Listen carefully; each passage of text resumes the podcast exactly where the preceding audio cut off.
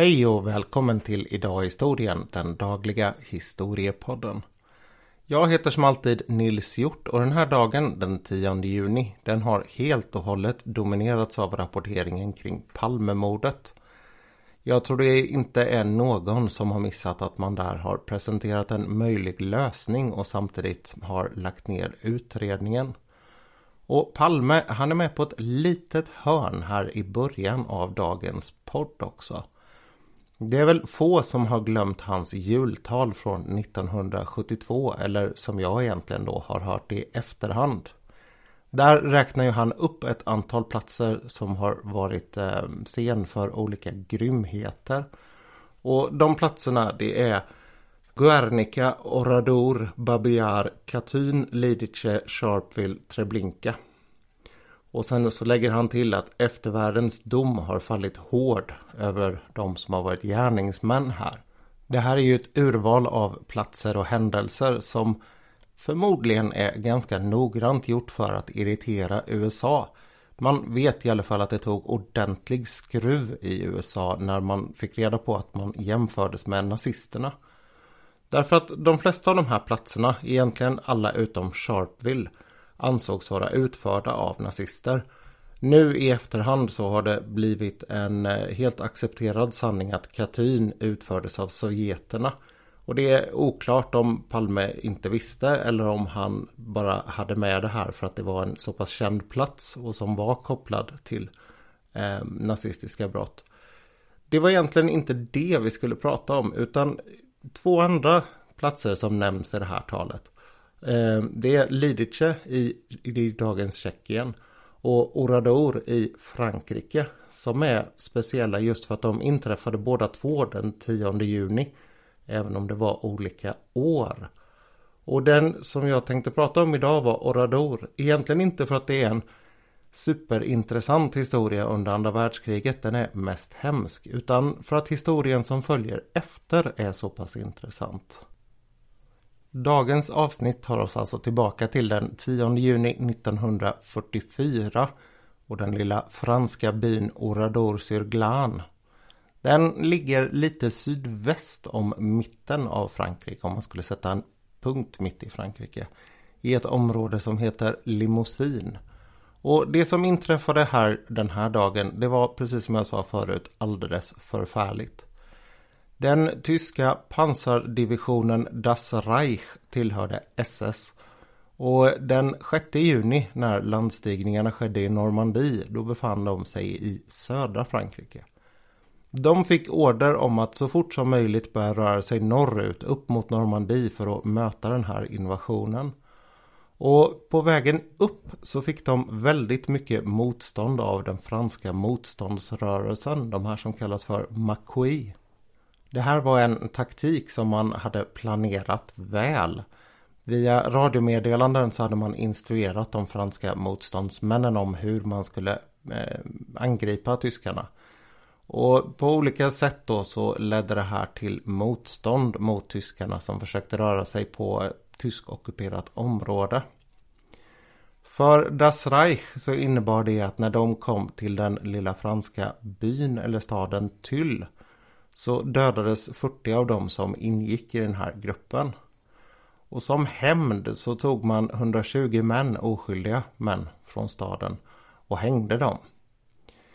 Det har sagts på andra ställen och det är väl bara att hålla med om att det här bara var en uppvärmning för vad som väntade. Den 10 juni så kom de fram till Orador och det är väldigt oklart varför de gjorde vad de gjorde där. Det finns idag två huvudtankar om vad det skulle kunna vara som ligger bakom. Det ena var att man letade efter en vapengömma och det är vad man påstås ha sagt inne i stan när man kom dit. Eller byn får jag lära mig att säga nu. Det andra det är att eh, det fanns en SS-man hade man fått reda på via franska då för tyskarna arbetande mm, tjallare så att säga, kollaboratörer att en SS-officer som hade fångats han hölls i den närliggande staden Orador sur Vaires. Vär. Eh, min franska har jag ursäktat tidigare, jag gör det igen. och att man sen skulle ha tagit fel på vilken av de här båda städerna Orador det var han fanns i. Det finns åtminstone ingen direkt koppling till eh, Makui-rörelsen, de här motståndsmännen. Och därför så finns det heller ingen sån här direkt uppfattning om att detta eller detta var rätt. Däremot så var det här området, Limousin, känt för att det fanns väldigt många motståndsmän och att de var väldigt tydligt kopplade till kommunistiska idéer. Vad som hände var att man kom dit och rullade in på eftermiddagen och känsliga lyssnare får ursäkta nu eller spola framåt en liten bit. Men man omringade staden, och, eller byn förlåt, och därefter så tog man alla människorna till torget mitt i stan. Där man förklarade att man skulle få visa upp sina papper. Efter att de hade samlats där så separerade man eh, männen från kvinnorna och barnen. Männen de tog man till sex stycken olika lador och skjul. Och sen började man skjuta mot de här när man hade stängt in dem. Och enligt vissa källor så sköt man lågt för att skjuta dem så mycket som möjligt i benen och skada dem istället för att döda dem. Sen dränkte man alltihopa i bensin och tände på. Kvinnorna och barnen de fördes istället till kyrkan här i byn. Och vad man gjorde där var lite samma sak förutom att man inte sköt utan istället så tände man eld på kyrkan och kastade in handgranater. De som försökte fly och de som lyckades ta sig ut, de sköt man däremot. Och det blev en eh, total slakt, precis som väntat i den här lilla byn. 642 personer dör under den här dagen. Av dem är 190 män, 247 kvinnor och 205 barn. Och på så vis så är det en av de mest sanslösa slakterna av civila under hela andra världskriget. Dessutom så kompliceras historien kring den här stan av att alla som dog var inte därifrån. Det fanns en lördagsskola i stan som gjorde att det var barn från andra omgivande städer och gårdar, byar som var i stan och dog. Det var sex stycken som var ute och cyklade och bara passerade byn samtidigt som Das Reich kom dit. De dödades. Och omvänt så var det folk från byn som var iväg på olika sorters ärenden som överlevde just för att de hade varit borta över dagen. En hel del människor hade också tvingats ut och kriga och av dem så var det 82 stycken som satt i eh, tyska krigsfångeläger och jag tror det var 18 som arbetade för eh, tyskarna återigen under tvång då i olika former av eh, tvångsarbete. Så det finns överlevande och det finns eh, släktingar till alla de här som dog. Och det är på många sätt de som har bidragit till att den här staden blir så känd. Därför att tämligen omgående så börjar man att eh, bearbeta den franska staten för att förvandla det här till ett slags minnesplats. Och det gör man på ett sätt som fungerar väldigt väl. Det mottas gott av de Gaulle, kyrkan och andra personer som har makt. Men samtidigt så glider också makten ur händerna, makten över minnet ur händerna. Och jag brukar alltid säga det för att det är lite sådär, är man man och intresserad av historia så förväntar sig de flesta att man är intresserad av andra världskriget. Och jag tycker verkligen att andra världskriget är intressant. Det förändrar otroligt mycket av världen. Och det gör det på ett sätt som har påverkat oss väldigt, väldigt mycket. Men just själva krigandet tycker jag är riktigt ointressant faktiskt. Det är bara tragiskt och det som istället blir spännande är alla de här stora maktförskjutningarna som sker, hur världen var innan, hur den blev efter, vad det är som påverkar, vad det ger för effekter i det långa loppet. Och det är på det spåret vi ska ge oss in nu, hur man har hanterat minnet av den här byn. 1946 så exproprierar staten all marken som den här staden eller byn då har legat på. Man bestämmer sig för att den ska få stå kvar som ruiner därför att det sista tyskarna gjorde när man hade dödat alla de här människorna det var att eh, spränga en hel del hus och sen tända eld på allting som fanns kvar. Man byggde en låg mur runt staden och förvandlade den till en nationell minnesplats. Dessutom så gav man tillstånd att börja bygga en ny stad bara en stenkast bort från där den här eh, byn hade legat. Och den fick också samma namn, Oradour sur Glane. För den franska staten så var det väldigt viktigt att visa upp det stora lidande man hade råkat ut för under den eh, ockupationen som tyskarna hade genomfört. Dessutom så befann man sig fortfarande här på 40-talet i en fas när man hyllade motståndsrörelsen väldigt, väldigt mycket. För de som bodde i stan så handlade ju det här istället om ett eh, trauma, ett väldigt personligt trauma. Och i efterhand när man har intervjuat de här personerna så är det väldigt många som tycker att det är hemskt att man inte fick bygga upp sin stad. Det har rivit upp en konflikt bland överlevarna. Och att det dessutom har varit så att man har fått bosätta sig så att man hela tiden ser den här platsen där massakern var. Att den dessutom har blivit väldigt populär som turistmål är ju också någonting som har upprört känslor därför att det är ingen plats där det är direkt frid alltid utan det är hundratusentals personer som besöker den här platsen varje dag. Jag kan tipsa om att man kan söka på till exempel Google Maps på Oradour sur Glane. Och sen kan man sådär som man brukar göra på en sån karta hoppa runt in i stan och se hur det ser ut. Det är ett eh, spektakulärt monument i all sin förstörelse. Det står massa rostiga förstörda bilar och halvnedsprängda hus och man ser tydliga tecken efter kulhål och eld och sådana här saker. Från befolkningen i, i byn så har man hela tiden legat på om att de skyldiga måste straffas. Och det här är också någonting som skulle bli en form av offer utifrån deras sätt att se det för storpolitiken. 1953 så inledde man en rättegång i Bordeaux där en hel del av de här inblandade åtalades. Men det hela komplicerades av att de 21 meniga som var där och åtalades, av dem så var 14 från Alsace. Och Alsace är ju ett sånt här område som har flyttats fram och tillbaka mellan Frankrike och Tyskland där det kallas för Elsass. De här personerna de hade för all del tagits ut i värnplikt. De var inte frivilliga. Och det ledde till att man från Alsace sida tyckte att de borde frias. De hade ju inte gjort det här för att de på något sätt ville angripa befolkningen i Oradour. I Oradour så menade man tvärtom att de här personerna de var ju i högsta grad brutala mördare. De hade varit där och de hade gjort vad de hade gjort och det skulle de ställas till svars för. Den enda rimliga konsekvensen menade man det var dödsstraff.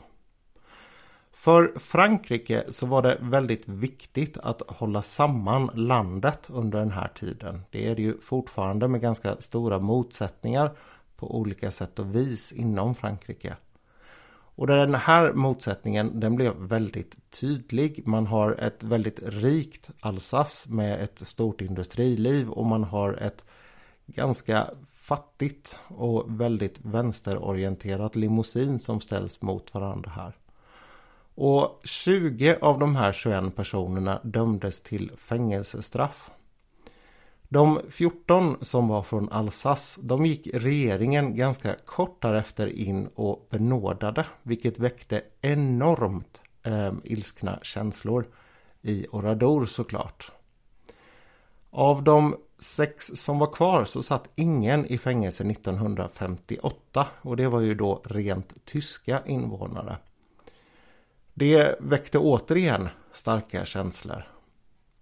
Och mannen som hade givit order för den här massakern, en tysk general, man visste mycket väl var han levde. Han bodde i Düsseldorf och hade ett väldigt lugnt liv där. Düsseldorf det låg i den engelska ockupationszonen men USA de använde honom för olika typer av underrättelser. Jag antar att det är saker man ville ha reda på som hade hänt tidigare som man försökte då få ur honom eller fick ur honom. Han dömdes av den franska domstolen till döden in absentia, alltså han var inte på plats när den här rättegången pågick. Men från tyskt håll och såklart med beskydd då från England och USA så sa man bara väldigt lugnt och sansat att vi kommer inte lämna ut honom. Så han gick helt och hållet fri från den här massakern. Vilket återigen fick folk i Oradour och i Frankrike som helhet att bli totalt rasande. I Oradour så lämnade folk nu tillbaka sina medaljer som man hade fått för att man på olika sätt då hade överlevt det här eller hade förlorat Ehm, sina närstående. Eller medaljer och ordnar ska jag nog säga. Dessutom vägrade man gå med på att sina närstående döda skulle ligga begravda i en statligt betald krypta. Och ännu värre kanske för de som styrde Frankrike då på 50-talet så började man sätta upp affischer med namn och bild på de som hade benådat de här soldaterna som deltog. Och det var ju såklart med kall på att de här människorna hade gjort helt, helt fel. Den här konflikten den har egentligen aldrig riktigt löst utan det har varit väldigt mycket en fråga om att eh, tiden har läkt en hel del sår men det ligger fortfarande där och irriterar. Och det är väl lite av problemet när man har ett land som är ganska disparat och där olika sidor har betett sig på olika sätt under kriget. Det går inte riktigt att tillfredsställa alla och att ta en liten enskild by och försöka hålla upp den som på något sätt emblematisk för vad som hände i hela landet. Det är svårt. Särskilt som man på 1970-talet började ägna sig allt mer åt att forska kring folk som hade kollaborerat med tyskarna och samtidigt tappade intresset allt mer för de här Macquis motståndsmännen man insåg att den franska historien under andra världskriget, den interna historien så att säga, den var betydligt mer komplicerad än vad politiken hade velat ge sken av under åren efter kriget. På 1980-talet så gjorde man i ordning staden en aning. Ruinerna hade börjat bli väldigt medfarna och dessutom så hade det vuxit upp buskar och sly ordentligt mellan och i husen. Dessutom så byggdes det 1989 ett museum därför att man insåg att den här staden kommer inte bara som en tom ruin kunna fortsätta berätta om vad det var som hände där. Så nu finns det en mer, eh, vad ska vi säga, institutionaliserad eh, minnesplats just genom det här eh, museet. Personligen så måste jag säga att jag är väldigt sugen på att åka dit. Inte minst för att det är en plats som har ett ganska enkelt budskap, antikrig. Men som samtidigt har hela den här efterliggande konflikten som visar upp att det finns inga enkla historiska sanningar. Och sen såklart också därför att det är en plats som ser ganska spännande ut när man tittar på bilder. Om någon har varit där så skulle det vara väldigt kul att höra hur det var faktiskt.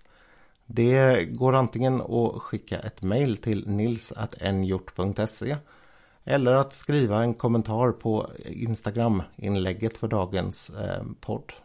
Som alltid så skulle jag bara vilja passa på att säga att jag uppskattar det väldigt när ni eh, rekommenderar podden för vänner och bekanta. Fortsätt göra det. Det är fantastiskt roligt att se hur det växer.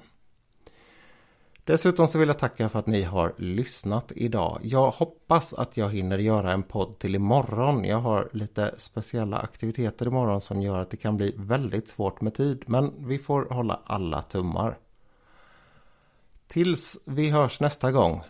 Tack tack och hej hej.